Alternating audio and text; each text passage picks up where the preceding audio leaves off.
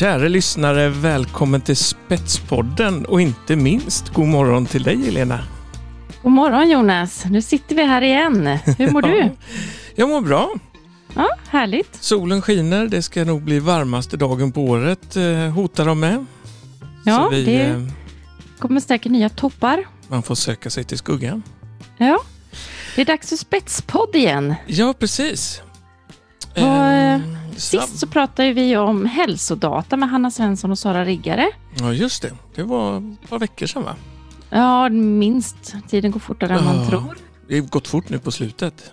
Ja, det känns så. Det har ju varit en märklig vår kan man lugnt sagt säga. Det här blir ju sista spetspodden innan sommaren. Mm. Normalt sett så sitter vi ju och klurar på vad vi ska hinna med i Almedalen, packar väskan, funderar på regnjacka med eller inte.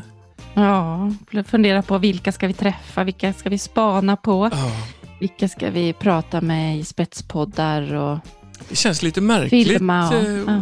att inte få det där tydliga avslutet inför semestern. Det har ju verkligen varit att man har många år nu gått rätt in i semester från Almedalen. Det har varit så tydligt avstamp. Liksom. ja, ja men det är något annat. Det är bara så. Ja, Och det är det för alla förstås. ja, så är det ju. Mm. Men eh, vi får väl ringa runt till Ja, lite kamrater och önska dem god sommar och höra lite, summera lite den här mycket märkliga våren. Ja, för att när vi gjorde en spetspodd i mars så var ju vi liksom i någon slags inledning av den här pandemivåren Mm.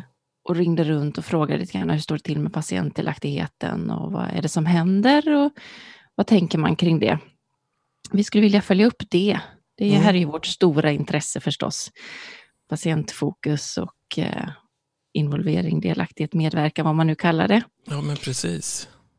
Så eh, det är väl egentligen lika bra att dra igång det här. Vi Ja, ska ju men- prata med ett gäng människor. Ja, Lise Lidbeck.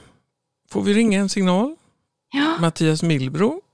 De var ju med bägge två när vi pratade i början på pandemin. Lisbeth Löpare Johansson. Andreas Hellström och Peter Karstedt. Stefan Stefan Jut- Juttedal och Sara Riggare. Ja, det är lika bra vi drar igång. Ja, jag tror det. vi, ja. vi börjar med Lisa. Det är en kavalkad i vanlig ordning. Vi ja. kör igång. Lise Lidbeck är ju ordförande för Neuroförbundet. Eh, vi tänkte att vi ska väl prata med henne lite grann om de har kommit med en ny neurorapport och sådär. Ja, precis. Se om hon svarar. Ja. Det är Lise. Hej Lise och välkommen till Spetspodden. Hej! Hej, det var Jonas och Helena här. Hej! hej. hej. Hej, Vad hej. roligt att du kan prata med oss här på morgonkvisten, eller förmiddagen är det kanske för de flesta. Ja, jätteroligt. Ja, hur är det med Det dig? tycker jag också. Jo, men det är jättebra. Det är lite varmt. Ja, det är det va? Men, eh, ja, men annars är det jättebra och eh, det är fullt upp kan man säga. Ja. händer väldigt mycket saker och har väl gjort det hela våren. ja. Ja, vi pratade ju med dig Ja. i mars här i Spetspodden Ja. och pratade en del om patientdelaktighet och vad händer med patientdelaktigheten när det är så här. Vad har du upplevt liksom under de senaste månaderna sedan i mars då? Hur har det varit för er eller för dig? Ja, alltså om man pratar utifrån patientdelaktighet och så, så tycker jag nog ändå att eh, det har funnits väldigt många bra tillfällen att kunna delta på olika saker eh, digitalt. Mm. Eh, bland annat så har jag deltagit i en del i nära vårdsammanhang och eh, det har varit mycket webbinarier och, och möten också med beslutsfattare och så eh, som jag tycker har varit väldigt bra. Mm. Eh, patientdelaktighet i vården däremot, eh, där, där är det nog sämre skulle jag vilja säga. Mm. Eh, väldigt många idag eh, vågar ju inte ens kontakta sina vårdgivare med tanke på det läget som är och eh, Man är både rädd är för att bli smittad och man är, och vill inte belasta i det läget som är. Eh. Eller vad jag tänker du är orsaken till det? jag tänker båda delarna här. Eh, framförallt tror jag tanken på smitta. Mm. Eh, dels är det detta. Eh, det har ju konstaterats nu under de här månaderna att eh, många väljer att avstå från vård de vanligtvis skulle ha sökt annars. Mm. just på grund av smittan. Och sen är det också möjligheten att få vård har varit sämre än vanligt. Det har varit minskad kapacitet då med mm. tanke på covid-19. Man har behövt då göra prioriteringar så att många har fått planerade behandlingar inställda mm. exempelvis. Mm. Får, får ni sådana rapporter från era medlemmar att de faktiskt inte ja. ens får komma in till så att säga? Inte bara det att man själv drar sig utan även vården säger nej vi, vi har ingen möjlighet att hjälpa dig. Ja men så är det ju. Det blir uppskjutet och eh, mm. vi har ju nu under de här månaderna också eh, gjort bland annat en enkätundersökning som eh, för att lite grann ta tempen på hur våra medlemmar har haft det nu under, de här, under den här tiden. Mm. Och eh, det här är en av de sakerna som dyker upp då. Att eh, sådant som varit inplanerat sedan tidigare. Inte minst rehabilitering är ett sådant område. Mm. Som är väldigt viktigt för många och eh, som då har blivit uppskjutet eller inställt. Just det, där har ni kommit med en ny rapport, den här neurorapporten 2020. Precis. Vad, kan du inte berätta lite om den? Absolut. Eh, rehabilitering är ju oerhört viktigt för många som lever med livslånga diagnoser att få tillgång till det. Och det är väl känt, inte bara inom vårt område neurologi utan många andra också, att tillgången till rehabilitering är såväl dålig som eh, väldigt ojämn över hela landet. Det råder en stor ojämlikhet. Mm. Och eh, det ska också sägas att rehabiliteringen är så viktig därför att den både förebygger ju men också bibehåller ju eh, ohälsa och, och förmågor på alla sätt. Och eh, därför har vi då valt, för det är ett väldigt viktigt tema för våra medlemmar, vi har då valt att eh, sedan 2008 så har vi faktiskt publicerat flera rapporter där vi tagit temperaturen ute i landet, hur det ligger till. Och eh, det tråkiga är sammanfattningsvis att eh, dels så ser vi en utveckling mot att allt färre får träffa fysioterapeuter och annan profession. Mm. Allt fler blir hänvisade till egen träning som många också uppger att det klarar de inte av på grund av sin diagnos och sin De behöver mer stöd än vad vården ger helt enkelt. Absolut ja. och de behöver få en plan. Mm. Vi valde nu att fördjupa årets 2020 eh, rehabiliteringsrapport genom att titta närmare på vissa saker och eh, då bland annat team baserad rehabilitering, vilket enligt vår uppfattning är någonting som alla borde ha oavsett diagnos. Mm. Att man träffar ett team helt enkelt som man tillsammans med teamet gör upp. Vad är det just jag behöver eh, mm. tänka på för att kunna ta hand om mig själv och min hälsa så bra som bara är möjligt. Och där ser vi ju stora brister. Och vi tittar också på en annan sak som man har rätt till enligt hälso och sjukvårdslagen och det är en individuell rehabiliteringsplan. Och ja, och det i våran ihop med ett team, tänker jag. Är det inte så?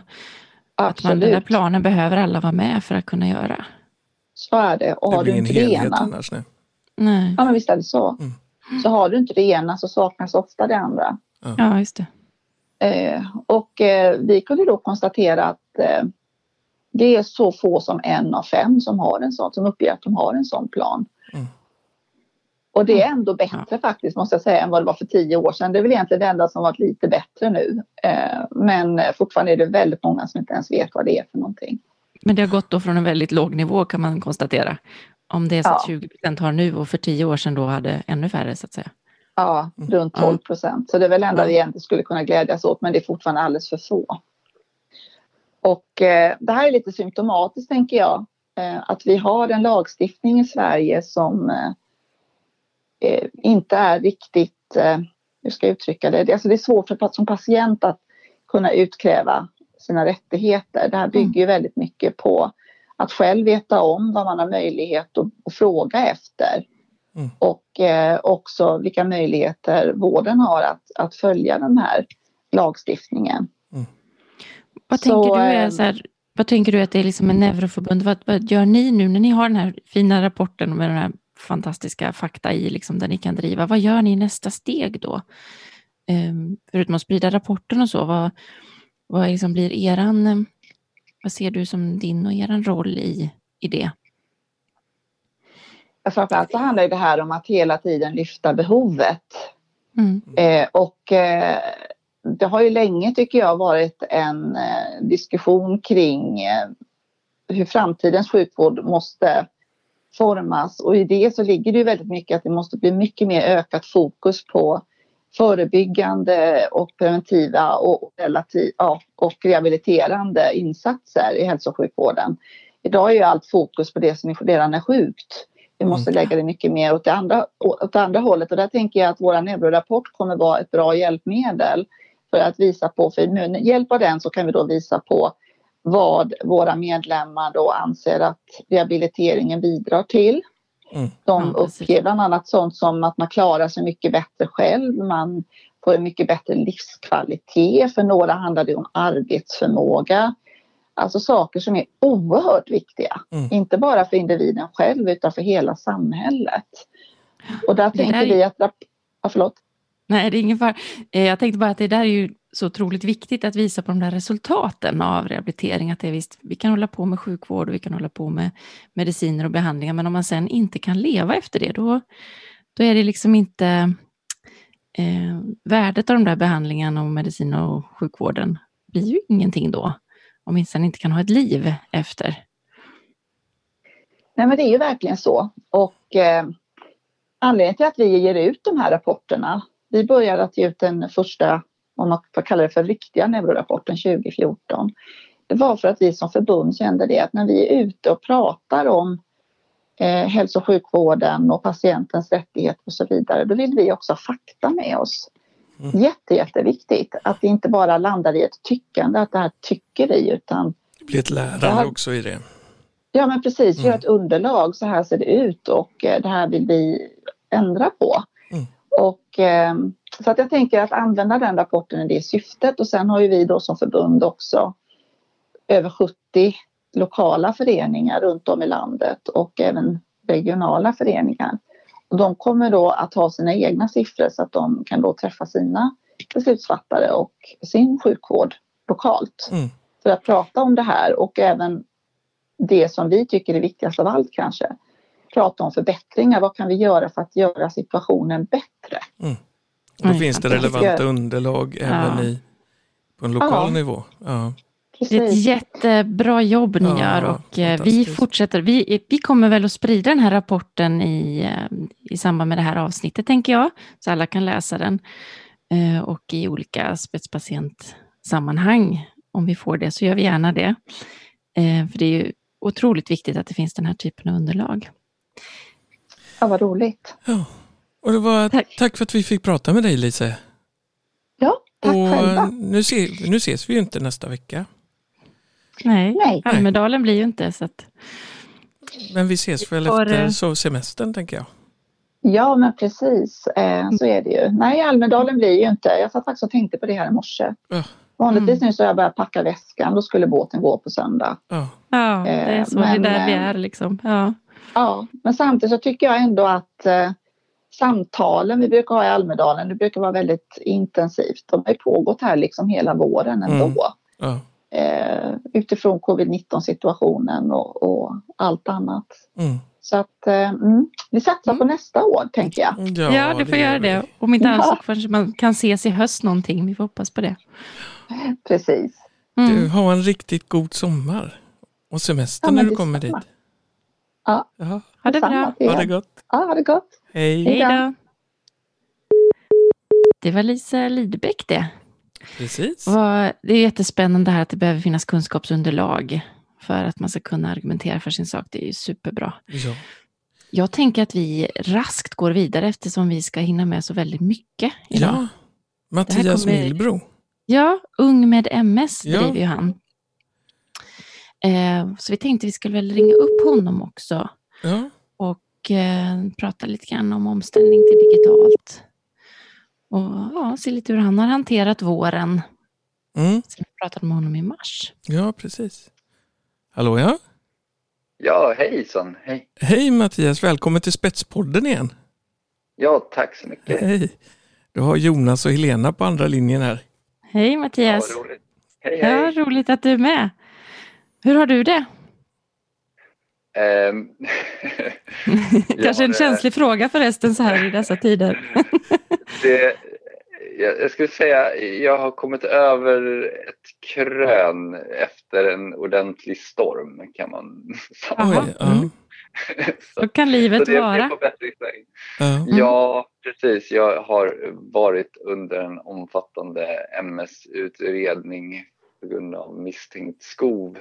Ah. Parallellt med det har jag gjort eh, covid-19-utredning för att se om det är det som spökar och det har varit, det har varit kaosigt med provtagning och allt möjligt. eh, Så att, eh, men eh, allt eh, visar på bra resultat och sådär. Men Ja. det har varit Okej. en sväng till akuten och det har varit MR och det har varit provtagning och det har varit eh, allt möjligt. Oj. En Men nu har jag- Turbulent. vår. Ja, precis. Och sen parallellt med det försöka få ihop eh, jobb och familj och sådär samtidigt. Mm. Så, så, det, men eh, nu, nu börjar det stabilisera sig lite. Så. Ja. Vilken tur, vad skönt. Det är ju livet liksom som pågår på något vis mitt i allt. Ja, Det blir precis. extra exakt. komplicerat då när det är covid och allt möjligt. Ja, precis. Mm. Jättemycket på jobbet och sen så också supportfunktioner tänker jag sådär eh, för familjen och så finns inte riktigt längre. Det går inte längre att få ja, hämtning av mormor och morfar eller farmor och farfar. Nej, eller allt sånt försvinner. Mm. Stödsystemet Ja. runt omkring funkar inte som vanligt riktigt. Nej, precis. Nej. Vi pratade ju i början på mars där var tror jag senast på, så ringde vi ju och, och då var det du full rulle på jobbet. Ja, Så vi vågade nästan inte prata med dig då för det var så, det var så intensivt också misstänker jag i början. Man visste ju inget, väldigt lite i det läget. Liksom. Det är väl framförallt så, det, det som har slagit mig nu är den här enorma kontrasten. Mm. Där det finns eh, liksom många människor som är arbetsbefriade eller kanske i värsta fall arbetslösa eller är, liksom behöver hålla sig inlåsta och klättra på väggarna samtidigt som det finns vårdpersonal som liksom jobbar på IVA som håller på och liksom sliter ihjäl sig Mm. och sådana här supportfunktioner som vi då som gör ventilatorer som, som ja, jag ser kollegor och så som verkligen pressar sig själv till bristningsgränsen då. Mm. Så det är så oerhört liksom uppdelat på ett väldigt konstigt Ja, det är sätt. väldigt ojämlikt fördelat liksom arbetsbördan just nu. Ja, Ja. precis. Mm. Men eh, det är intressant att se. eh, Jag vet ju att ni har haft en hel del, när man tittar på Ung med MS-gänget där, om ni Mm. har ju gjort en ganska stor omställning till digital, digitala möten och sådär vad jag förstår under våren. Hur har det gått? eller vad har ni liksom gjort och hur, ja. det här, den här övergången har inte berört oss överhuvudtaget för att vi är en decentraliserad förening och vi har alltid haft eh, eh, möten och, och organiserat oss via nätet. Mm. Så att eh, liksom, att lära sig använda en kommunikationsplattform, det har vi redan gjort väldigt länge. Vi har haft våra årsmöten via Zoom och vi har liksom hanterat allting digitalt i alla fall. Så på så vis, ur föreningsperspektiv, så har det liksom inte påverkat. Det har inte förändrat någonting på det sättet för er egentligen? Nej, Nej. Precis. Ehm, så, så, men det är kul att, att så många andra kommer över tröskeln nu till att börja arbeta på det här sättet. Och där tipsade jag lite grann om på ett äh, möte där det var lite flera föreningar involverade om ja, men hur man kan använda sig av digital signering till exempel och lite sådana saker, så här digitala arbetsmetoder som, som jag tror det kommer underlätta väldigt mycket för väldigt många i framtiden att Mm. att fått, ha fått det här på plats. Det, ja, men det är klart. Och vad, vad har ni haft för stora frågor som har dykt upp senaste då i, inom Ung med MS? Vad, vad, vad brottas ni med för tankar? Liksom? du menar covid-19 mässigt? Ja, under den här senaste perioden, liksom, vad har varit? Det som har hänt sen, sen sist var, var det, det kom ju, det fanns väldigt mycket frågor naturligtvis och inga svar initialt. Nej.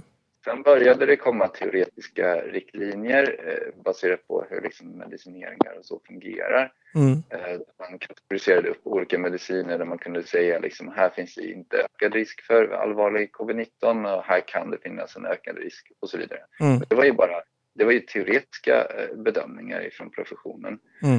Eh, och sen så har det börjat trilla in fler och fler fall med då MS-patienter som har vårdats på sjukhus. Mm. Eh, och det har ju då visat sig vara väldigt, vad ska man säga, positiva resultat för, oss MS-patienter. Det har ju visat sig bland annat att MS-patienter verkar vara underrepresenterade på IVA. Mm. Och det här beror troligen på att när du går på liksom immunmodulerande läkemedel så, så, så, trycker du ner immunförsvaret lite grann. Du kanske har ett överaktivt immunförsvar från början som du liksom trycker ner till en ganska normal nivå. Ja, och där, eh, då är det ju så liksom att de som blir riktigt risiga och dör, de får en så kallad cytokinstorm som mm. egentligen är, liksom, det är kroppens eller immunförsvarets överreaktion på covid-19 mm. som då gör att man blir så fruktansvärt sjuk. Och genom att liksom dämpa ner immunförsvaret eh, lite grann så får du inte den liksom, riktigt allvarliga överreaktionen från immunförsvaret i samma utsträckning som vanligt. Ja, så det verkar som att liksom, MS och MS-medicinering verkar kunna vara snarare ett, ett skydd mot riktigt allvarlig covid-19. Att inte bli så hårt drabbad på grund av att man redan är medicinerad. Ja, precis, exakt. Och jag har till och med sett, eh, såg något MS-läkemedel dyka upp i sådana här äh, medicincocktails som man provar på allvarliga eh, covid-19 drabbade patienter och så. Mm. Eh, så, att, så, så, det, är väldigt, eh, det är väldigt intressant. Så jag tror liksom att det här med all osäkerhet har lite benat ut sig och också jag känner lite så allmänt i samhället att man hittat en, en, en ganska lite mer stabilare normal ny vardag på något vis. Mm. Och det tillsammans med då liksom information om att, att, eh, att det inte verkar vara så allvarligt för just den här gruppen patienter. Det har liksom det känns som att det har dämpat och stabiliserat sig eh, på, på, ett, på, ett, ganska bra sätt. Det är ju jätteskönt.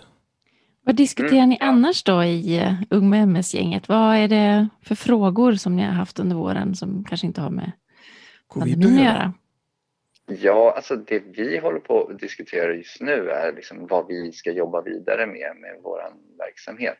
Vi har massor av spännande verksamhetsidéer som vi skulle vilja jobba med men vi har precis haft tankar om, eh, om, vad vi ska liksom fokusera på härnäst. Vi hade en webbsändning nu i, nyligen i maj om eh, sex och relationer för MS-patienter. Mm. Eh, och, vi, och, vi har liksom även innan den här pandemin planerat att använda internet och internets anonymitetsmöjligheter för att kunna liksom diskutera de här väldigt känsliga frågorna som mm. finns bland patienter. Så ni kan genomföra det helt anonymt alltså? Ja, ja absolut. Det är en öppen webbsändning, liksom en chatt som du kan eh, skriva i om du vill. Så, så det vi gjorde var att vi samlade in frågor i förväg som man kunde skicka in anonymt. Sen hade vi en expertpanel som svarade på dem och så kunde man skicka in frågor under pågående möte och sådär. Mm. Och det var väldigt uppskattat så det finns ett uppdämt behov och det här påverkades ju inte alls av pandemin egentligen heller för vi mm. hade tänkt ha det på nätet i alla fall. Mm. Så, så, det är väl den typen av saker som vi kommer liksom fortsätta och fokusera på framöver. Sånt som är liksom, når ut till alla och kunna utnyttja liksom fördelarna med internet. För att, det är ett superbra tips till alla som lyssnar att kunna använda tekniken och att även kunna göra saker anonymt när det är känsliga frågor. Det var jättebra.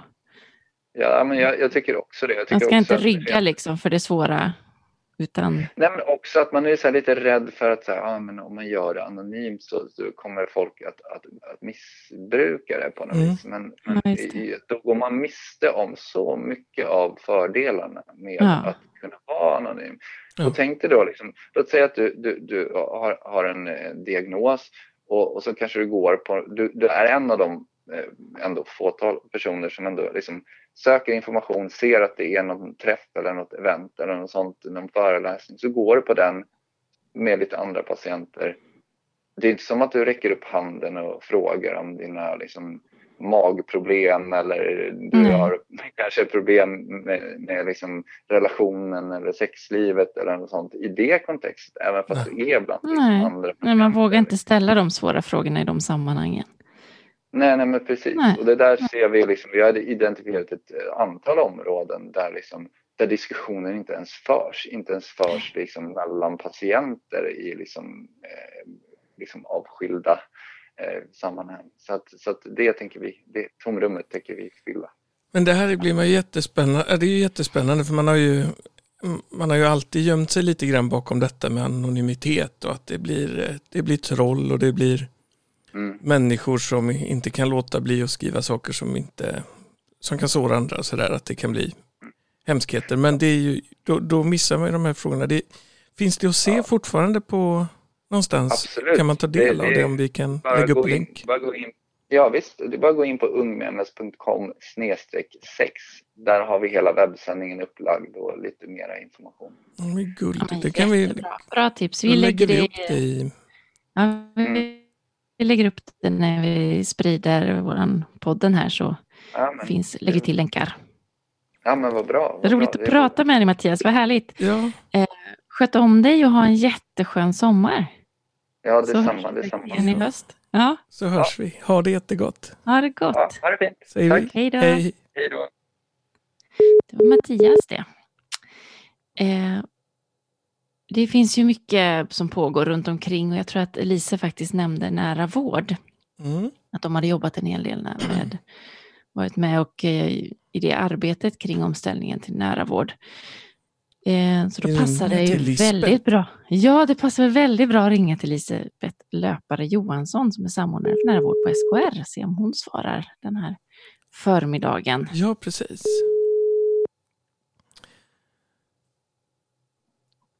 Se om hon är hemma. Ja, precis. För det är ju alla numera.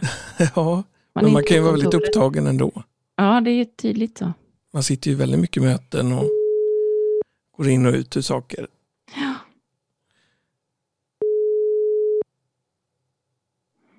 Vi får se om hon svarar. Nej, det verkar ju som att hon har kanske annat för sig. Ja, Hej, ja. har kommit till Lisbeth Löpare. då har hon fastnat i något. Vi, vi, prov, vi kan prova att ringa henne om en liten stund. Ja, då byter vi liksom eh, fokus. Det blir liksom Lise som satte tonen här. Hon pratar jättemycket om rehabilitering Mm. och deras rapport. Och någon som har drivit rehabilitering i Sverige kan man väl säga är ju Stefan Jutterdal, Ja, precis. ordförande för fysioterapeuterna. Vi gör ett försök där istället och ser om han svarar. Ja, se om vi får fatt i honom. Han har ju lite nyheter också. Ja, Så vi kanske ska se om han vill berätta om det, vad som händer hos honom.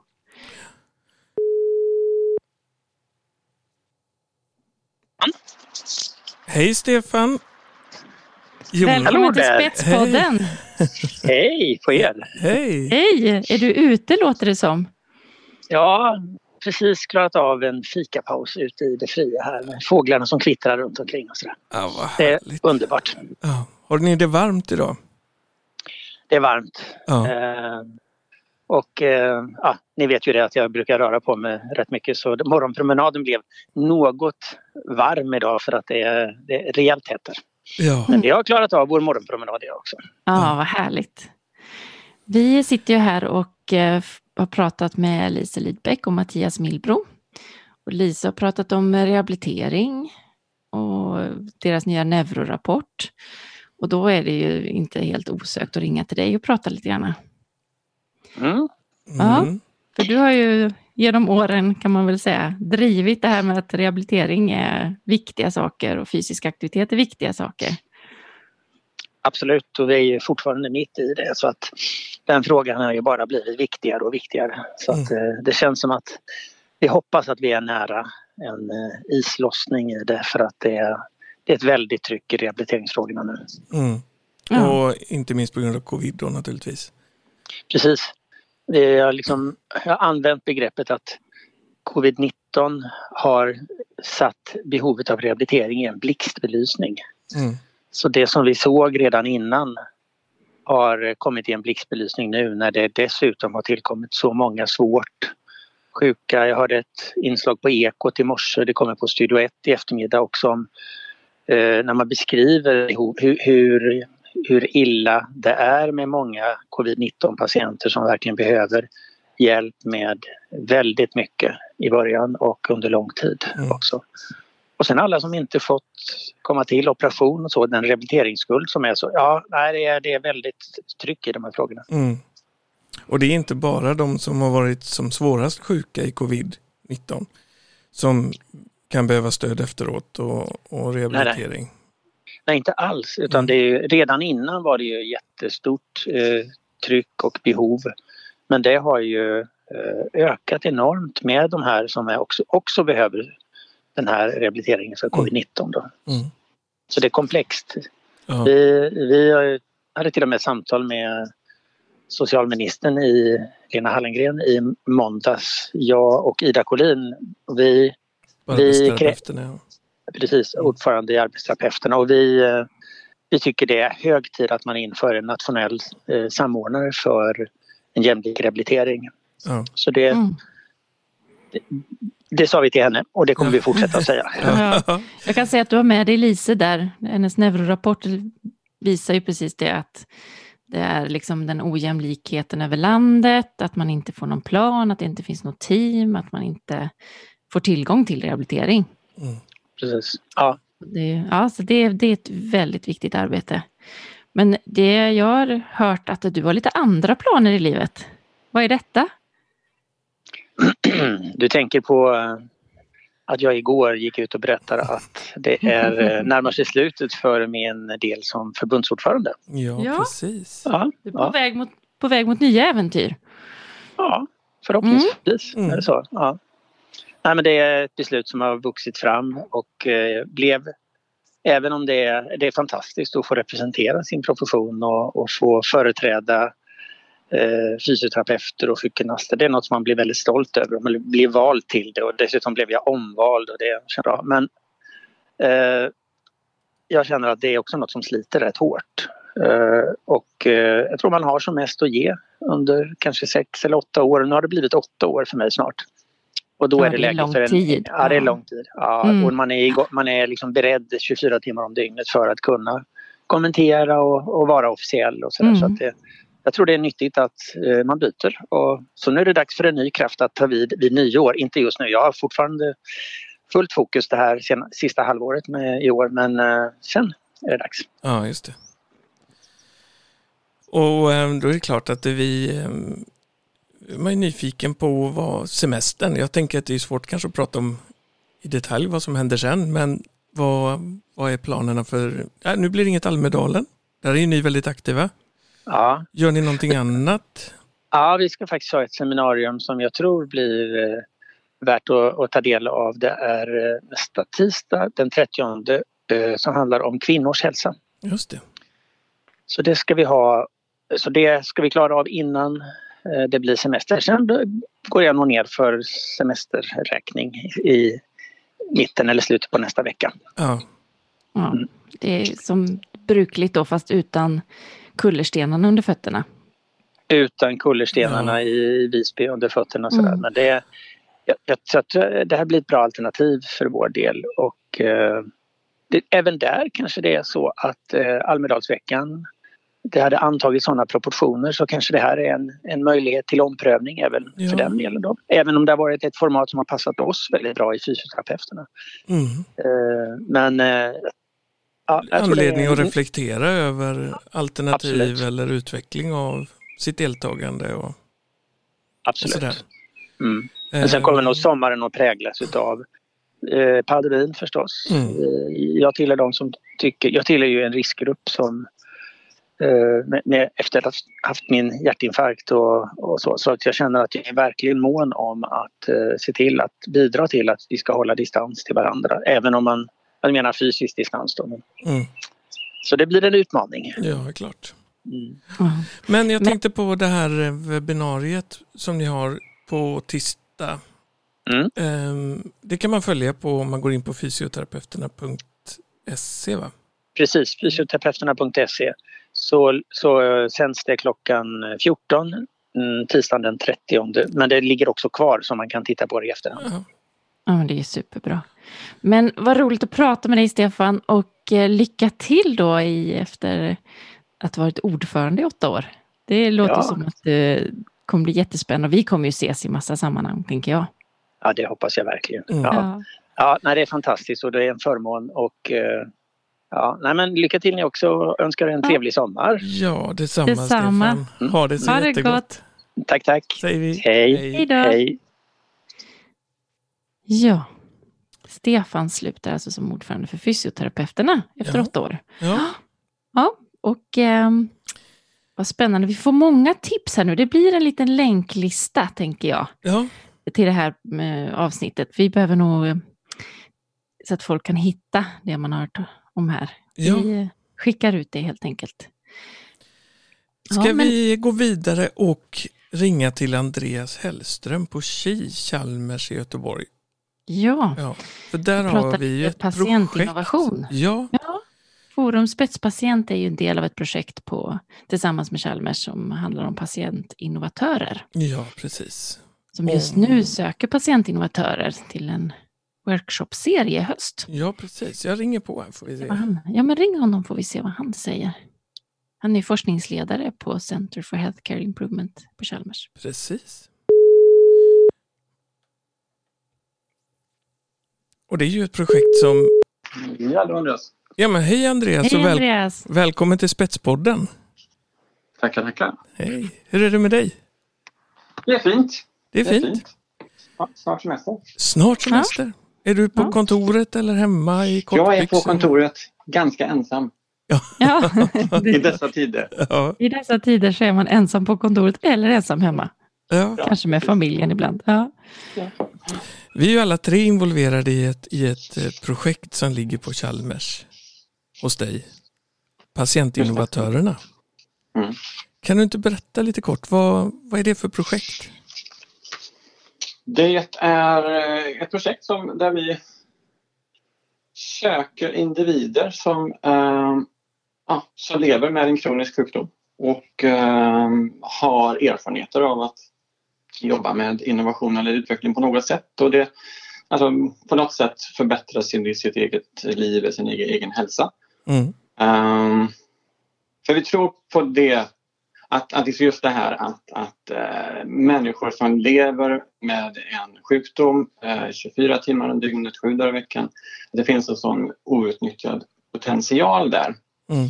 kring, som vi kan ha sån stor nytta av. Både de, de själva som förbättrar för sig själva men också förbättrar för, för andra. Ja. Det tar vi utgångspunkt där och vi har vi valt att kalla det för patientinnovatör. Mm. Och, och det här är ett Vinnova-finansierat projekt. Stämmer. Ja, och pågår under två år. Ja, Ja, Vi blev, lite, vi blev lite fördröjda på grund av den här situationen som vi alla lever i just nu. Men, men vi lanserade precis här, eh, här förra veckan. ja precis. Så gick vi ut med vår rekryteringskampanj här där vi söker just individer som, som skulle vara intresserade av att tillsammans med oss och tillsammans med andra, andra kandidater Ja, eh, fundera vidare kring detta och utveckla ja, tänk och principer och liksom metoder för detta. ja, Och, eh, så att, så det, det, nu är vi up, up and running efter en liten paus där vi fick reorientera oss när, när Ja, hela ställa om. samhället ja. ställa, ställa om. Ställa om. Ja. Vårens ledord. Mm. Men nu Ja. blir jag nyfiken. Vad, har, har det kommit in många, många svar? Ja, alltså på väldigt kort tid så kom det väldigt, alltså det blev väldigt stort intresse kring det. Eh, så jag är jätte, jättenöjda med det. Mm. Och eh, vad vi kan se är också väldigt stor, väldigt stor bredd Mm. i eh, vilka som söker. Och, vi har, och- och det är precis det vi vill ha också. Så vi, vi vill med, med flit här inte riktigt så här tydligt avgränsa alltså vilken typ av utveckling eller innovationsarbete som vi talar om. Eh, utan eh, alltså, grejen är allt annat att vi alltså, vården och andra välfärdsaktörer har ju blivit allt bättre på att liksom jobba med patient och brukar medverkan och delaktighet och så. Och det, och det är jättebra. Alltså när man ska utveckla, där de ska utveckla sina tjänster eller, eller sin vård. och Deras perspektiv, ja. Precis. Ja, ur deras perspektiv. Och det är jättebra. Mm. Men det här, alltså vi, vi vill ju vända på det hela. Mm. För saken är att det händer någonting när du tar ett allenarådande brukarperspektiv. Då. E- e- Egentligen så vill vi inte använda ordet, ordet patient, då, för det kan vara så mycket annat. Men, men för att göra det enkelt så, så, så kallar vi det patient. att, att, eh, att, att det händer någonting när du tar ett allenarådande sådant perspektiv. Då får du, per definition så får du ett helhetsperspektiv. Hur är det att leva med Ja, den här sjukdomen eller att du är så närstående till någon som lever med en, med en kronisk sjukdom. Då, då får du ett annat systemperspektiv och det är inte alltid det, det, är inte alltid det som adresseras när någon välfärdsaktör eller vården definierar situationen. Så då... Så vi, vi, så vi, alltså det, för, för det är lätt att man tänker sig att när man tänker innovation så kanske det är lätt att man tänker sig att det är en teknisk, det är teknisk ja, innovation och, och, så. Mm. Men det, det, vi har ett betydligt bredare perspektiv. Det här kan vara tjänsteinnovationer, sociala innovationer och allting som gör eh, livet lite lättare att leva eh, för en människa med, här, med någon form av sjukdom. Det är, det är du har ju varit med och drivit, eh, eller varit med i uppstarten av Kraftens hus. Det är väl en sånt exempel, är det inte det? Kan du berätta?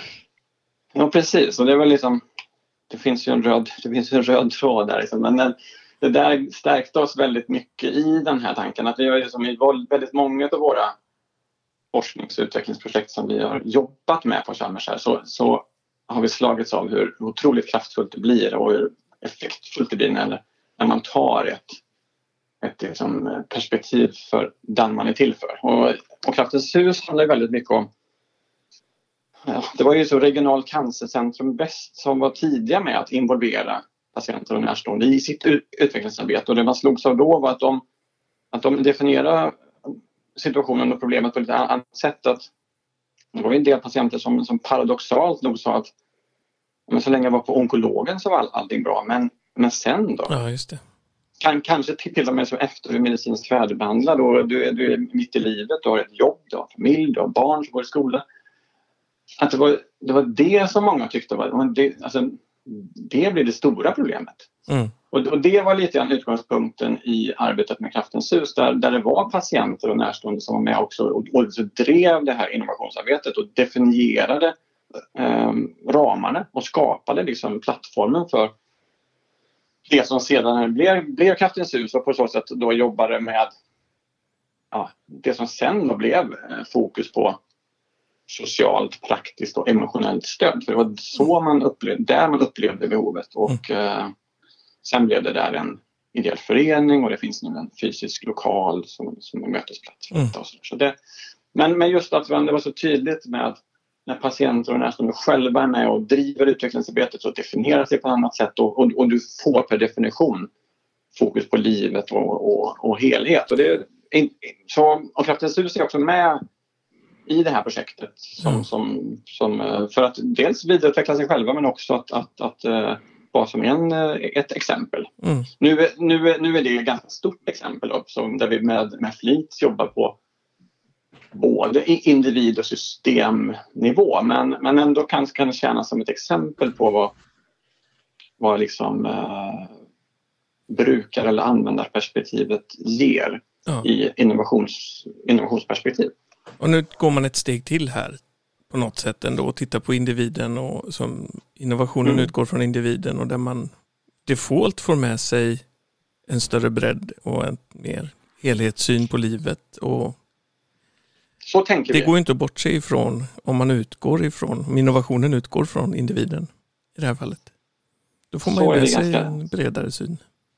Så är vi ganska övertygade om att det kommer bli mm. när vi jobbar med den här gruppen. Men det är också så här, det är ju jätteintressant, vi vet inte vilka vilka är det? Alltså, Nej. precis. Det, det blir så, otroligt men, spännande workshops antagligen i höst här.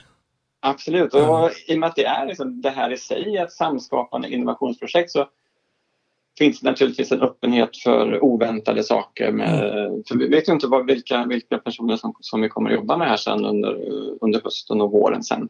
Mm. Men, eh, men vår målsättning är ju att, det som, att, att vi ska liksom eh, jobba ganska praktiskt egentligen. Att mm. vi tillsammans med, vi kommer att ha innovations, innovationscoacher, forskare kring, kring innovation och utveckling med oss och sen mm. så den, den här gruppen med liksom, kandidater Ja. Där vi, alltså, målet är att, att, liksom, ta fram arbetssätt och liksom, principer för hur, hur, hur, hur, hur patienter kan ta en, en ny roll som innovatör egentligen och även att vården och andra välfärdsaktörer kan utveckla strategier för hur, man, hur, hur, eh, hur de kan ta sig an. Ja. Eh, eller, ja. Att det blir ett lärande också, en kunskapsöverföring i det. Mm. Ja, det är ju väldigt eh, spännande Andreas. Vad, ehm, men du är på väg på semester snart, Sista veckan. sista veckan. Sista veckan. Ja, härligt. Det, vi ser mycket fram emot att få fortsätta den här dialogen efter semestern och komma igång med workshops och annat tillsammans. Ja, roligt att se vilka eh, patientinnovatörer som kommer. Man får, får lära av dem. Ja. Det ska bli jätteroligt. I och med att vi, i och med att, eh, vi tog rekryteringsperioden under sommaren så kommer ju, visst jag kommer gå på semester men mejlen kommer ju vara uppe för att sista ansökningsdag är, är eh, 9 augusti. Så, Ja, så just att, det. eh, Alla har sommaren på sig att sitta och klura och fundera på om man ska vara med i det här. Ja, Det är jättebra. Och eh, för de som är intresserade så finns det så som det är nu så tror jag att det räcker egentligen att googla patientinnovatör. Men, men det finns ju en sida på, eh, på Ringla. Jag vet inte om ni eh, länkar till den så. Jo, Eh, det kan men, vi, men där finns, det har vi möjlighet Vi- till. Vi länkar hela tiden till allt. Ja, ja, vi Det kan blir extra långt i det här avsnittet. Ja. Det Det finns, lång lista. det finns information på Chalmers, där kan vi lägga länk och det finns ju på Ringla finns det ju runt rekrytering och lite ytterligare info. Så vi lägger länkar ihop med avsnittet här av Spetspodden. superbra. Ja. Men du Andreas. Roligt att prata med dig. Ja, jätteroligt. Ha en god sommar. Ja, Ja, sköt om dig. Ha det Ja. gott. Så hörs vi. Hej, hej. Hej. Hej då. Nu är det ju så att jag faktiskt har fått kontakt här med Lisbeth Jaha. över sms medan vi pratat med Ja. eh, Andreas. Det är ju så här när man spelar in allting i en enda ström och bara ringer och ringer. Och ringer. Men du, Eh, vad spännande med projektet med Andreas.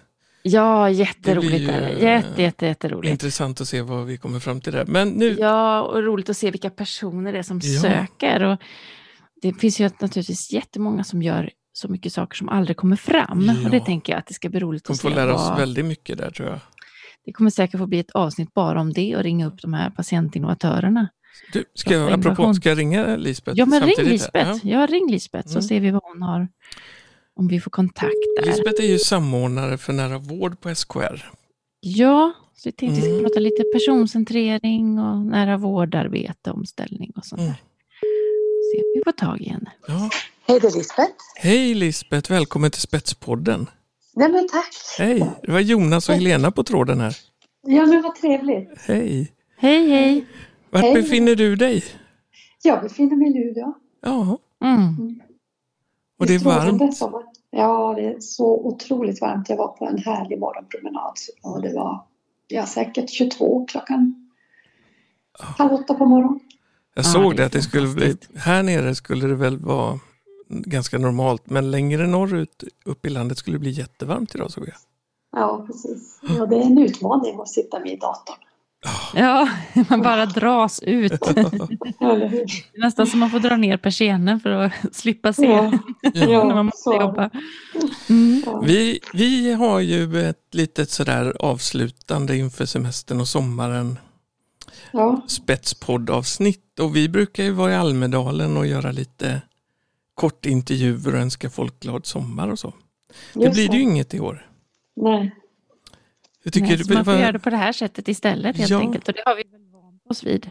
Ja. Att göra Mm, samtal över olika digitala plattformar. ja. Mm. Mm.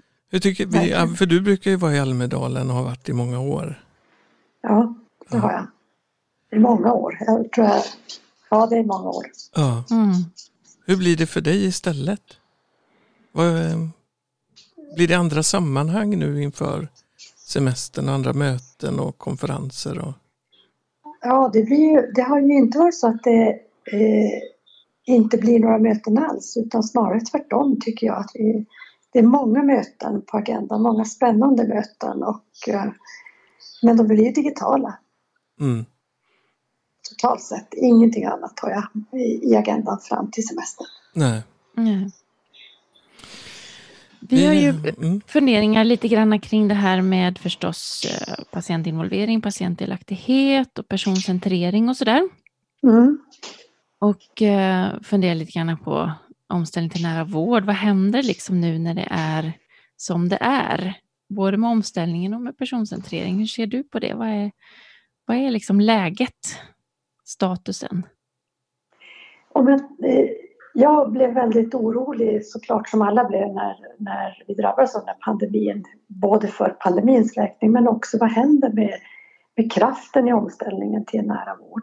Mm. Eh, jag är inte lika orolig eh, något mer därför jag ser att det finns ett så starkt fäste och så stark vilja. Så mycket har ju hänt som också kan sättas på plussidan.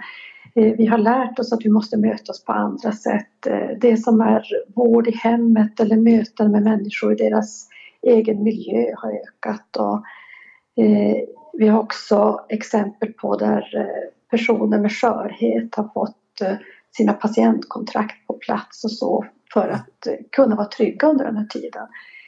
Eh, så det tycker jag är positiva eh, effekter. Sen tror jag att det är tidigt att se om det här blir hållbart och om det i grunden bygger det personcentrerade förhållningssättet och omställningen. Mm. Men där kan vi bara hjälpas åt att hela tiden ha den tanken och ha den, eh, den drivkraften med oss i allt vi gör, tänker jag. Så man får ju inte släppa utan verkligen våga ha det fokuset. Mm. Ja, för det är lätt att man när, man, när det blir utmanat systemet så är det klart också att man, man släpper för att det är kris. Och man måste det, göra annat. Men det är klart att det går inte att... Man måste ju hålla i över tid.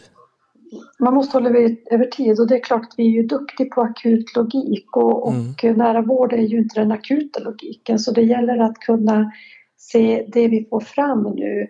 Hur är det också hållbart och Eh, ändamålsenligt och värdeskapande i en annan typ av logik, nämligen mm. det som är mycket mer kontinuerligt, bygger på kontinuitet och relationer. Och, men jag ser att det finns också exempel där, där man jobbar mycket med det relationella, där man har sett, har det personcentrerade angreppssättet och ser potentialen hos människor och vill jobba i partnerskap. Där har man också skapat ökad trygghet under pandemin, när man mm. har haft sådana saker på plats. Så mm det blommar ju också upp eh, och kanske kan, vi kan ge det lite mer fokus också, just de, de ytorna där det här växer mm. under en sån här kris. Så det inte bara blir akuta mm, som blir fokus. Nej, för det är ju inte hållbart och, och, och ha den, man måste ju tänka hållbart på något sätt förr eller senare. Absolut. För den här krisen blir ju inte så kort som man kanske trodde heller.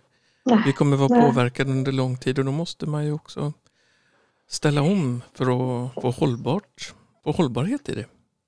Precis, och jag tror nog att vi, i alla fall i, i nära vårdarbetet, är i en ny fas. Att det som hände under början av pandemin var mycket hur kan vi se till att ställa om och behålla våra aktiviteter och, och också ha respekt för att nu behöver den här akuta omställningen ha sin plats och sin roll. Mm jag tror att eh, nu när vi ser att det här också är mer långvarigt än vi hade hoppats från början, då behöver vi också fundera på vad blir våra arbetssätt nu så att vi verkligen håller uppe den här rörelsen och, och kraften. Hur kan vi spegla det goda som görs? Hur kan vi berätta berättelser fast kanske vi inte kan göra det på mm. plats? Mm. Hur ger vi röster åt det som som vi vill ska hända också på sikt. Och jag tänkte på det förut när vi pratade både med Lise Lidbeck tidigare på Neuroförbundet och Stefan Jutterdal på Fysioterapeuten om rehabilitering och då tog Lise upp det här med teamrehab. Mm, precis. Och då kunde jag inte låta bli att tänka på det fina exemplet från Kalix runt hemrehab. Precis. Jag tänker det, kan du inte berätta lite kort om det? Eh, jag har faktiskt precis haft samma reflektioner bara den senaste veckan om vilken stor betydelse det har. Vi hade ju förmånen att eh, i, i jultid bli hembjuden till Karin som eh, var, hade fått sin rehabilitering i hemmet efter sin stroke. Och vi träffade eh, stora delar av det teamet. Det var arbetsterapeut, det var fysioterapeut och det var eh, neurolog. Och Eh, Karin själv och de berättade om vilken betydelse det har att faktiskt få träna i sin egen hemmiljö. Vilken betydelse det har av att det finns ett team med olika kompetenser mm. som tillsammans på något sätt växlar upp och gör att eh, insatserna blir så mycket mer effektiva.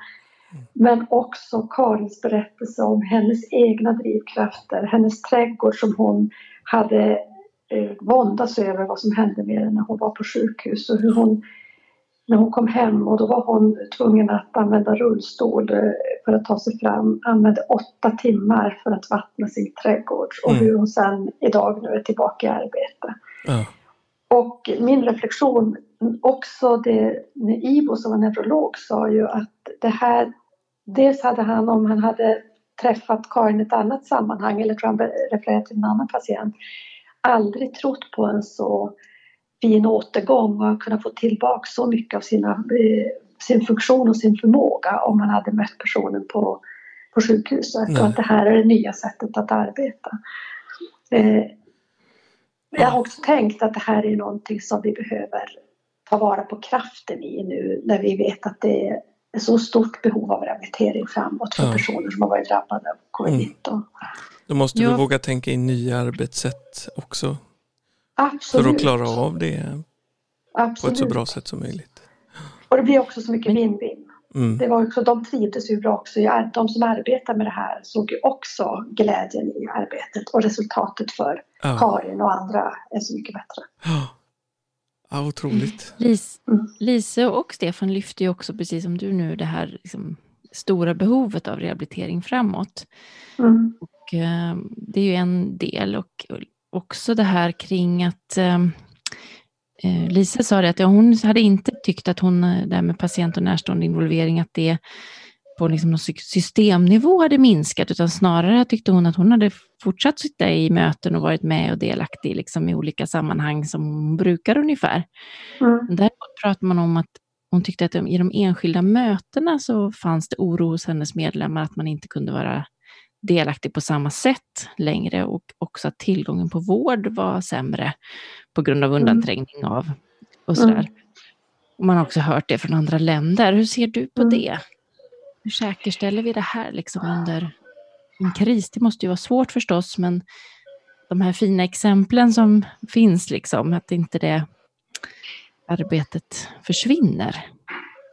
Nej, och jag tänker att en del i att säkerställa det är ju att spegla och berätta om att det faktiskt går, att det faktiskt fortgår. Men såklart också vara lyhörd för där det, att det inte fungerar. Och där tror jag vi behöver en, en djupare analys av det man kan tänka undanträngning eller eh, ökade tider för väntan och så. Mm. Eh, och eh, som jag tror kan vara olika för olika patientgrupper och eh, att vi faktiskt behöver vara väldigt lyhörda och titta på det. Eh, Och samtidigt sen känner jag ur ett nära vårdperspektiv att det också är viktigt att fortsätta det här berättandet om hur man faktiskt kan klara av att eh, möta patienter på ett personcentrerat sätt eh, och kanske nya sätt nu under pandemin så man också eh, vattnar där det lite gror och det finns växtkraft. Mm. Att det också kommer fram. Så det är väl att göra båda delarna. Mm. Och ta på stort allvar sådana berättelser som Lise har. Mm. Vad kan vi göra av Mm. dem? Kan vi hitta tillsammans gå på djupet kring de sakerna? Ja, det är också intressant, tänker jag, när du säger att de som faktiskt hade kommit lite längre i den här omställningen mot nära vård och redan Mm. hade arbetssätt som funkar, de kanske har klarat sig bättre i Precis, den här omställningen nu under pandemin. precis. Det skulle också vara intressant att titta på faktiskt exempel där man har klarat sig riktigt bra, för det finns ju de. Mm. Både inom hälso och sjukvården och sociala omsorgen förstås. Absolut. Och vad har kännetecknat dem? Mm. Mm. Det vore och också utvärdera ur ett patient och närstående perspektiv tycker jag. Eh, vore väldigt spännande. Vi gör en, en eh, studie tillsammans med KIP och Chalmers nu. Där de, de har uppdraget att titta på nära vårdomställningen ur, under den här pandemin. Vad har hänt? Och titta på eh, en större eh, region, alltså inkluderat kommuner, men också medelstora och mindre. Och så får vi se vad vi får ut av det och kanske kan vi djupdyka mer i det som har gått bra och det som inte har gått bra Ja. utifrån Mm. det. Ja, det blir spännande. Ja. Ja. Du, Eh. har du några tips på, på skr.se så kan man söka på nära vård och där finns det ju saker att bli inspirerad av i sommar. Jajamän. Eh, ja, men, eh, om jag ska ge något tips så Ja. tänker jag att lyssna är ju så bra under sommaren tycker jag. Då kan man pota i trädgård, man kan ta sin promenad och eh, då vill jag verkligen eh, säga lyssna på Runt hörnet och lyssna också på Nära vårdpodden om ni inte har gjort det. Ja. För det finns så mycket kloka, kloka människor och det gör så mycket bra och man får så mycket energi. Och så får man också möjlighet att reflektera. Ja, ja det är ju det är en härlig podd att lyssna på. Mm. Den, eh, den kan man passa på att njuta av i Mm. sommar tycker jag också. Det tycker jag också. Ja. Vad härligt Lisbeth, tack för att du tog dig tid. Ja men tack så mycket för att ni ringde. Ja, och Ja. ha en riktigt god sommar och semester när du kommer dit. Ja men detsamma till er. Ha det gott. Ha det Vi gott. hörs. Hej då. Säger vi hej. Ja, det gör vi. Hej då. Ja, då fick vi tag i Lisbeth. Det var ju väldigt härligt eh, att vi fick det. Ja, Prata lite nära vård. Ja precis. Nu är det någon som försöker Nu är det någon som försöker här. komma in Jag här. försöker att bara förklara för den att eh, Just nu jag så kan sitter... jag, varför kommer det sådana där? Ja, så är Ja, så är det med tekniken. det. Ja, När man har många linor in. ska vi gå raskt vidare? Ja, nu börjar vi liksom komma på sluttampen här Ja. av eh, programmet och eh, vi tänker att vi ska ringa upp Peter Karstedt som jobbar på Mer organdonation Ja, precis. Som vi har pratat med förut tror jag här i Spetspodden. Ja. Kanske. Ja, hej Ja. Jonas. Hej Peter, Hej. välkommen till Spetspodden. Ja men tack. Hej, Hej Peter, det är Helena här. Tjena Helena. hej, hur är det med dig? Jo men det är bra med mig. Ja, var befinner, du dig? Ja. Ja, vart är du Ja, någonstans? Nu är jag tillbaka i Stockholm och eh, väntar på att få träffa min familj igen idag. Ja, du har varit i karantän, eller de har varit i karantän, hur är det? Ja, Vem har gjort kört- vad? Vi har gjort alla varianter tror jag. Ja, Eh, men vi började med eh, mitten på mars där, så, så flydde vi fältet. hela en familjen. Allihopa. Vi plockade ut barnen från dagis och så. Och så sen dess har vi varit på två olika ställen då. Först några veckor på östkusten här i Norrtälje. Och så sen så drog vi till västkusten. Mm. Eh, och så var vi där. Uh, veckorna flyter ihop men det kanske var åtta veckor där. Eller något sånt. Ja. Det har gått Mm. ganska lång tid nu. Ja, det går så jäkla lång tid liksom. Och så sen, sen på slutet kände vi så här, men vi måste låta barnen få avsluta dagis och min, dot, min äldsta dotter fyller år så vi ska ha kalas och sådär. Så Ja. då bröt de karantänen helt enkelt. Och så gick de tillbaks till, till dagis då. Och då stannade jag själv först på västkusten några veckor och så kom jag upp här till Stockholm här nu på midsommarafton. Ja. Så nu ska de eh, bli, vara friska i några dagar innan du får eh, träffa precis. dem Så igen då? Idag, Mm. idag är det en vecka sedan de eh, eh, slutade träffa. Och det, egentligen ska man vänta två veckor men man orkar ju inte Hjärtat det. säger något annat eller? Ja men det är Ja. liksom Svårt Det är att gå svårt, ifrån ja. varandra. Ja men det känns det var också så här att när man var på de här karantänställena, det vill säga våra sommarställen, Mm. då är det en sak. Men sen när man kommer hem till huset, då blir det så här, men vänta, här är det tomt och här är det ännu mera udda att man inte är tillsammans. Liksom, Ja. för, Mm. så att, eh, nej, det varit konstigt. Men du, jag har hört att du har gått och fått corona.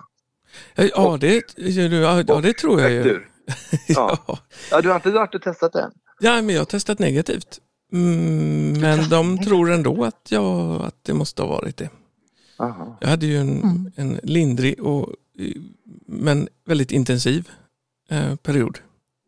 Så Hur, jag hur, hur, vad hände då? Var det en vecka eller? Ja, jag, var, jag, var, jag var på nedåtgående ett par veckor. Så jag märkte att jag blev sämre och sämre. Och det. sen så hade jag väl tre dagar egentligen som jag hade rätt så risiga värden när det gällde syreupptagning och sådär. Men, men eh, vände också på en förmiddag. Mycket märkligt. Jaha. Och, eh, och sen eh, insåg man att det kommer prägla en ett tag framöver tror jag. Man har ju eh, dagar man är ganska så trött efteråt. Jaha, du får alltså Mm. matt, matt och, Ja.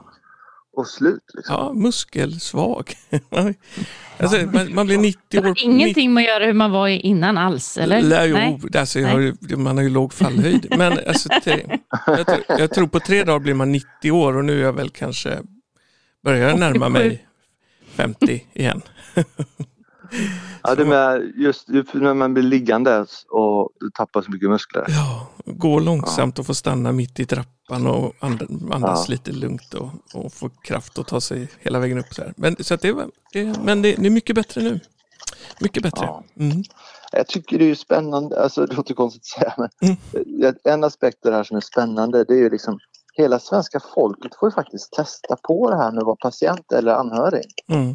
För just alla drabbas ju. Mm. Så att det här är liksom en crash course i liksom hur, hur vi som kroniker har det hela livet. Ja.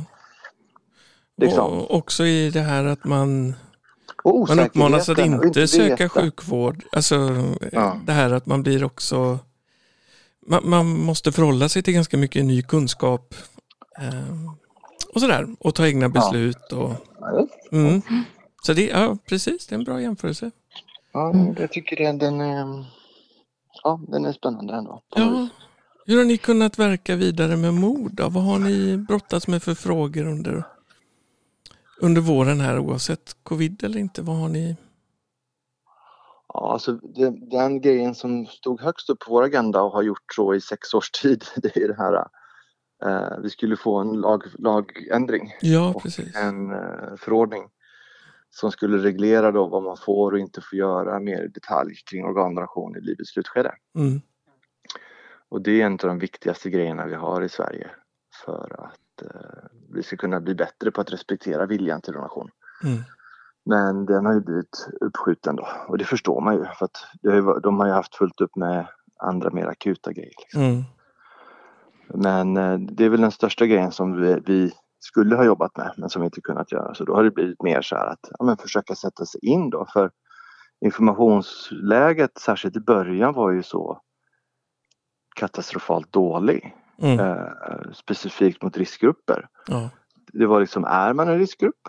Är man inte en riskgrupp? Mm. Är risken högre att man blir smittad? Kommer vi överleva om man blir smittad? Mm. Du står för transplanterade.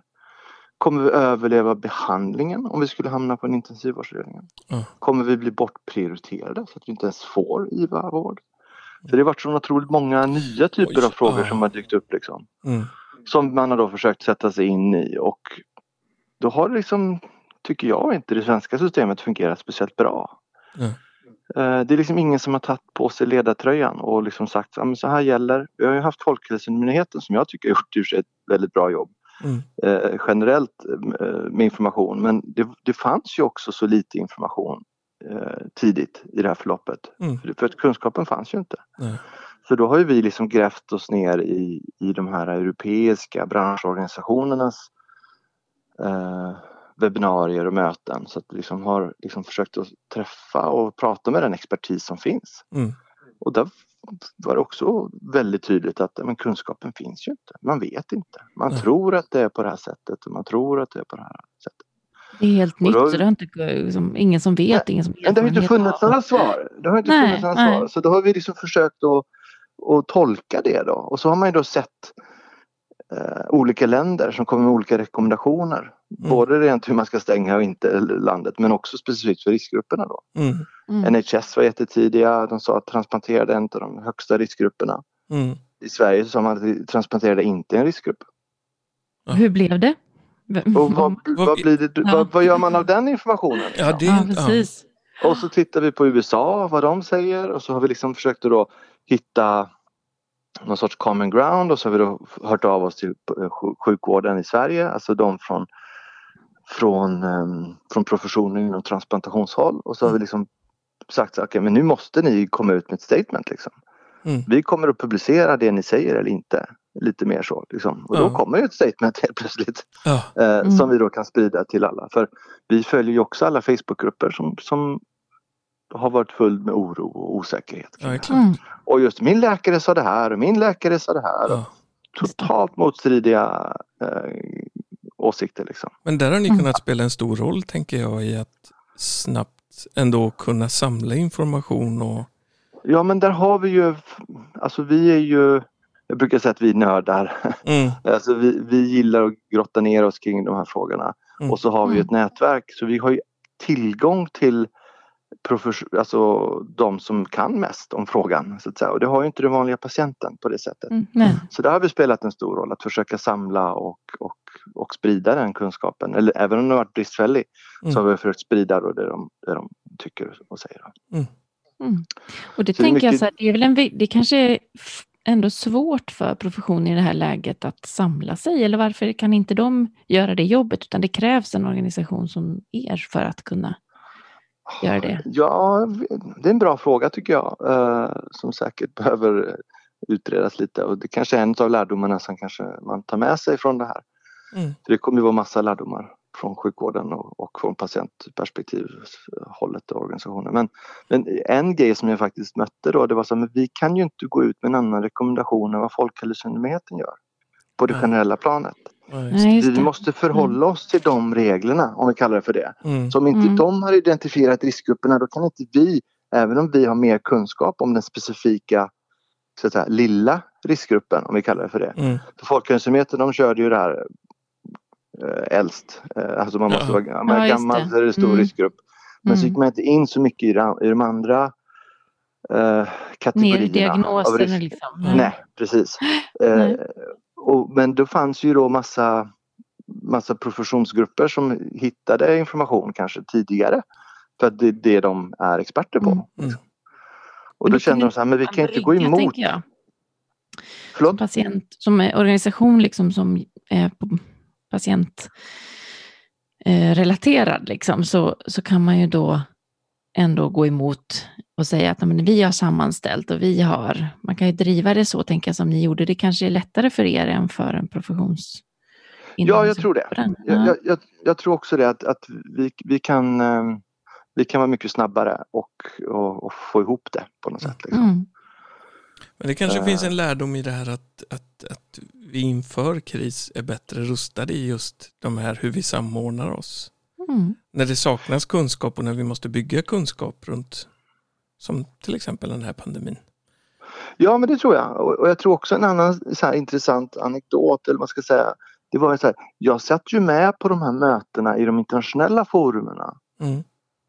lika tidigt som experterna, alltså från professionen i Mm. Sverige. Så att jag fick ju samma information samtidigt som experterna. Så, att säga. Ja, just det. Så det tycker jag är intressant så här med, med, apropå spetspatient och ha kunskap om sin egna hälsa. Så här. Jag fick ju samma input, sen så kanske inte jag kan ta till mig den på samma sätt och förstå alla detaljer av den eller konsekvenserna av de detaljerna. Men Mm.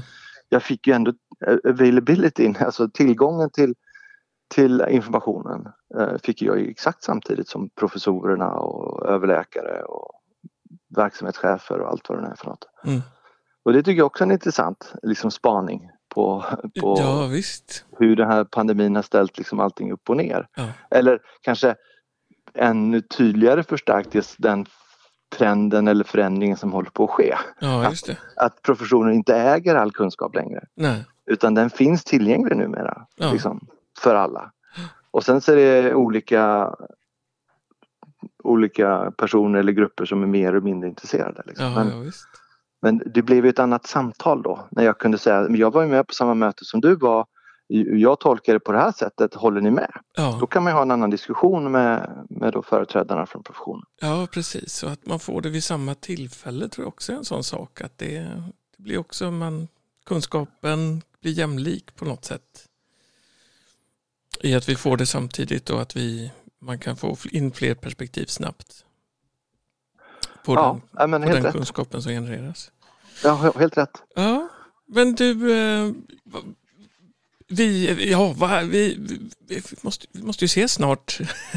men nu är det ju semester. Vi får hoppas att vi får träffas här efter sommaren. Ja, men det hoppas jag också. Ja. Ja, det gör vi.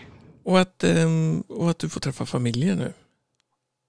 Ja, det ska bli väldigt skönt faktiskt. Det, det är ju galet eh, att man inte får träffa dem som man står allra närmast. Ja, Eller får och får. Vi har ju valt det ja, för, av rädsla för att man ska dö, rent ut sagt. ja, Så att det är ju ett val med, med modifikation. Kan man säga. Men i slutändan så är det ett val som vi har gjort. Mm. Och därför så känns det ännu skönare då att få, få komma tillbaks och få, få Blir det semester nu då snart? Nu blir det semester. Mm. Eh, Mm. Så att vi ska faktiskt eh, göra också en, en coronasemester.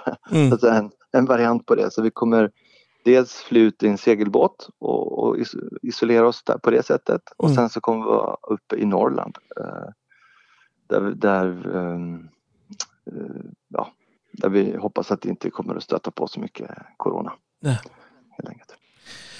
Du, eh, ha en jättegod sommar Peter så Ja, eh, ses sommar. vi i augusti igen. Det gör vi. Ja, sköt Ha det så gott. säger vi.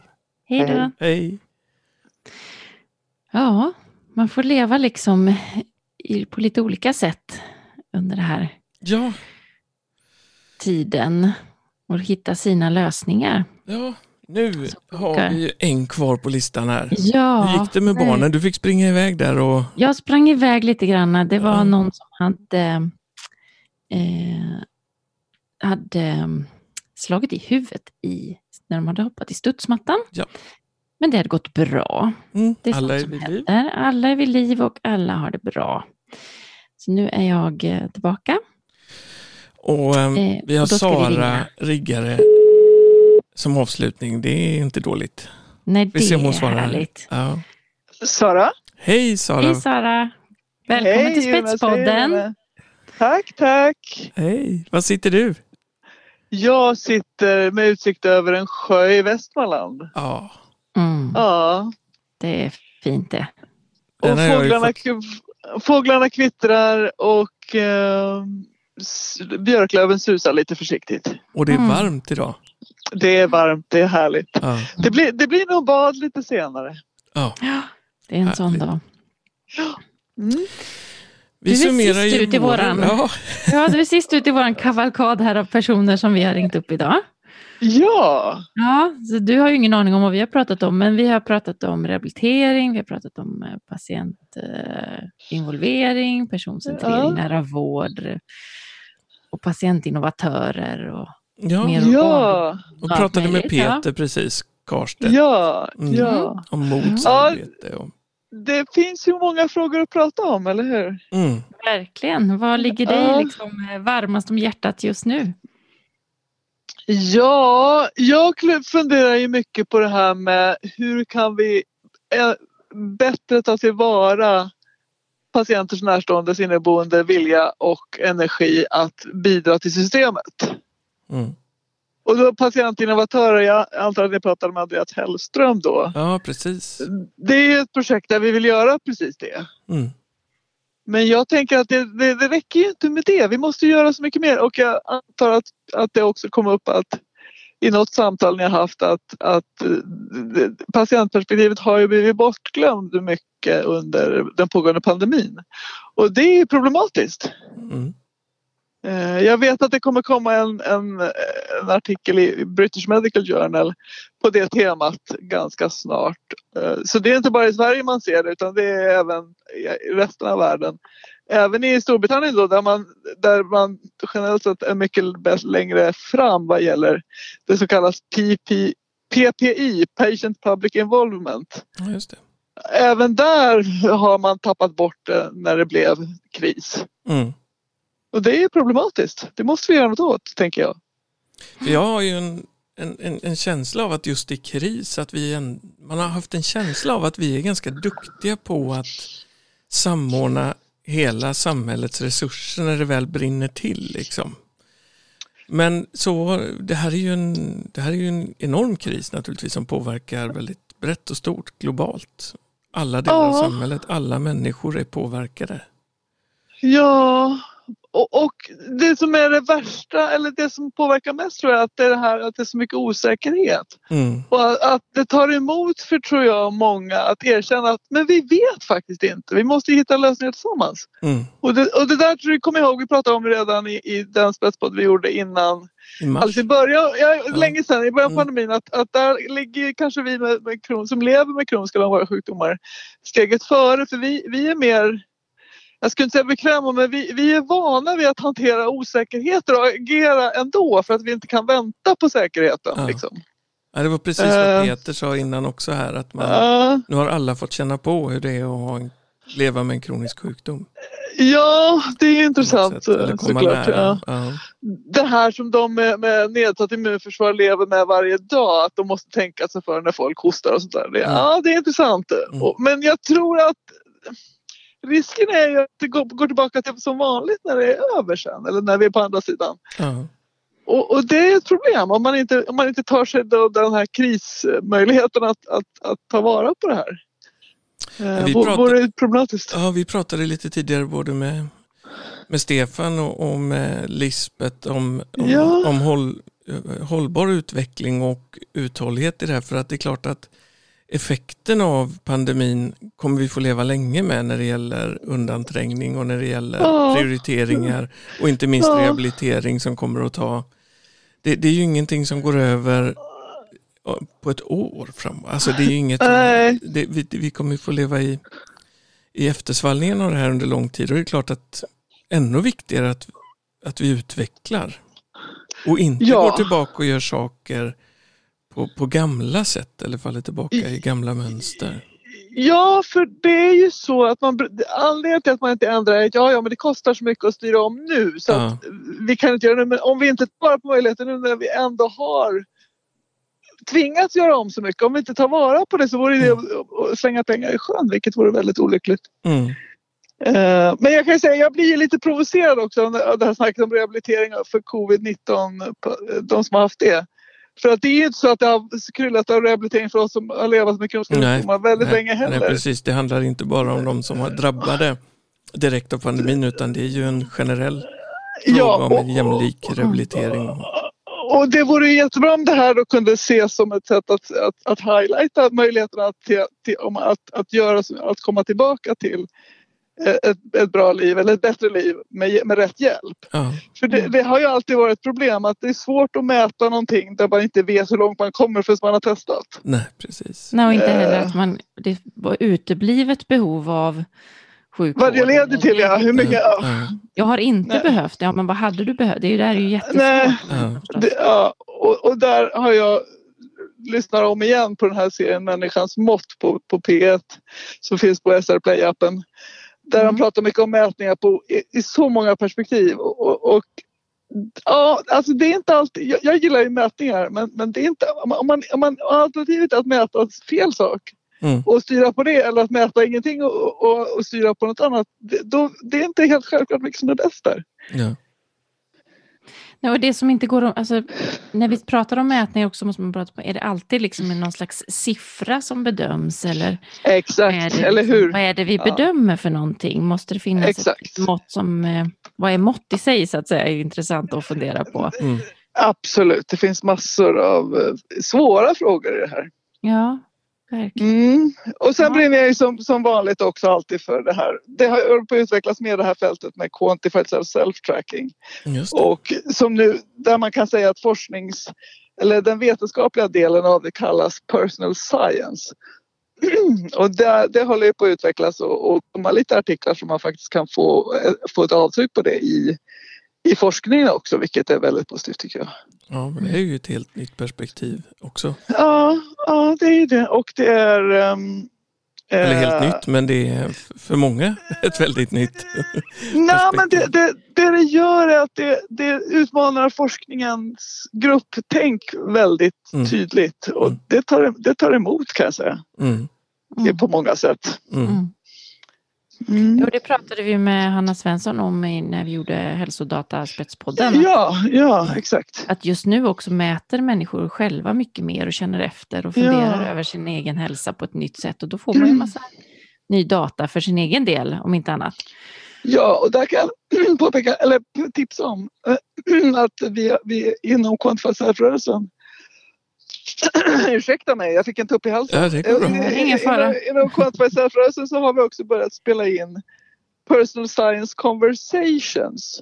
Som Mm. är tänkt att vara en videopodd men bara ett samtal. Nu har det gjorts två avsnitt, vi ska spela in ett till eh, den här veckan. Vad har de På engelska, om? på engelska då. Det första handlade om väldigt generellt vad, vad, är, vad, är, vad är personal science och väldigt sådär ostrukturerat det första. Mm. Det andra handlade om the worried well. D- där var inte jag med men de, de som var med är väldigt kunniga personer. och, och i just kopplat till covid-19 pandemin. Va, vad händer när the worried well, det vill säga de som lite avfärdas av vården som ja, ja, de mäter för att de, för att, och de spär på sin oro för att de förstår inte mätningarna. Ja.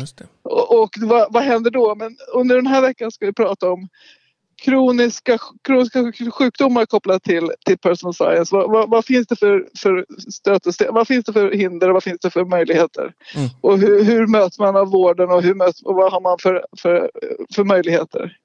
Vad- Så det ska bli man kul att forskare för att kunna lyssna på dem där? Nej absolut inte, tvärtom Nej. tror jag. Ja, Mm. Man, man, man behöver vara intresserad av att veta mer. Sen, sen kan det kanske vara lite, ja vi får se, det är ett test vi gör inom den. Inom Ja. den, den Finns det världen. Det är väl Publicerat. engelskan då kanske? Som är... Ja, vi, det, ja precis. Mm. Det finns publicerat på quantifyself.com. Vi kan väl lägga en länk Ja. i, i, i, i, i beskrivningen till det här. Så Mm. finns det per- Personal Science Conversations, det kallar vi det. Hur Du- långt har det här kommit i Sverige? Kan du väl bara... Vad, vad händer Ja, med... det, det, det har ju funnits i Sverige ganska länge och pratats om. Men, men som så, på så många ställen i världen så har det setts som en teknikrörelse, vilket det ju faktiskt inte är. Utan det är en, en rörelse för eh, att lära sig mer om, om sin egen situation, oftast kopplat till hälsa. Mm. Men, men, men tekniken är ju såklart en facilitator i det här, en, en möjliggörare för att det blir så mycket lättare om man kan mäta saker själv istället för att man måste till vården och så. Mm. Mm. Men jag skulle säga att den är i sin linda i, i Sverige liksom i andra delar av världen. Men det finns liksom öar av folk som, träff, som har träffat på varandra på konferenserna och, och som har, har online och koppling på olika sätt mera. Mm.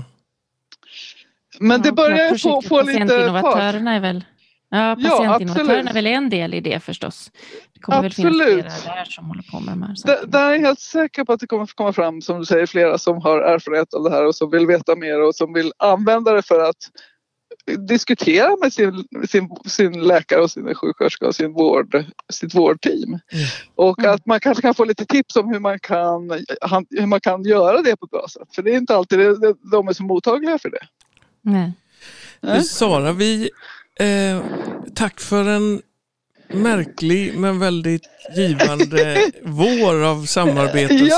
samtal i många olika situationer. Och Detsamma, detsamma. får önska en jättegod sommar till dig. Ja, absolut. Ja. Detsamma, detsamma. Ja. Ja. Och, Ser eh, fram emot att få greppa tag i saker här i augusti igen. Ja, jag Ja. håller helt med. Vi, vi, vi, eh, vi får ta nya tag och eh, bygga vidare på det som har hänt hittills. Ja. Ja, ja. Var Kanske rädd om ses, dig. vem vet? Det Ja. kanske blir så galet att vi Ja. faktiskt fysiskt ses i höst. Jag, jag, Ja, det Ja. saknar man lite nu. jag saknar det Ja, faktiskt. Jag ja, tycker det det gör man. är svårt. Även Ja. om det går bra så här så skulle jag önska att man fick i alla fall Ja, bara i samma rum tillsammans, absolut. Ja, Ja. precis. Utan... Utan, utan, utan skärm. Ja. Ja, Ja, På andra Ja, sidan det- skärmen säger vi. ja exakt, Ja. exakt. Ha det så jättegott. sommaren. Mm. Ja, Ha ha det det så gott så, så, så Mm. hörs och ses vi. Ja, det Det gör vi. gör vi. Hej. Hej då. Ja, nu har vi greppat många olika ämnen här Ja, under den här timmen. och långt. En och en halv blev det. Ja, det, det är långt. Ja, men, men det är eh, ju man många personer. Delar. Ja, det är många personer Ja. man kan lyssna till. Ja. Och vi kommer att lägga en lista med länkar till det här, för det var ju många tips. Många bra mm, semesterläsning och lyssningstips. Ja, vi Ja. skickar med det och eh, skickar med att alla får ha en fantastisk sommar. Ja, och tack för att ni har lyssnat. Mm, Så ses Så. vi, eller hörs igen i augusti. det gör vi. Glad sommar till dig Lena. Ja, detsamma. Ha det gott. Hej då! Hej.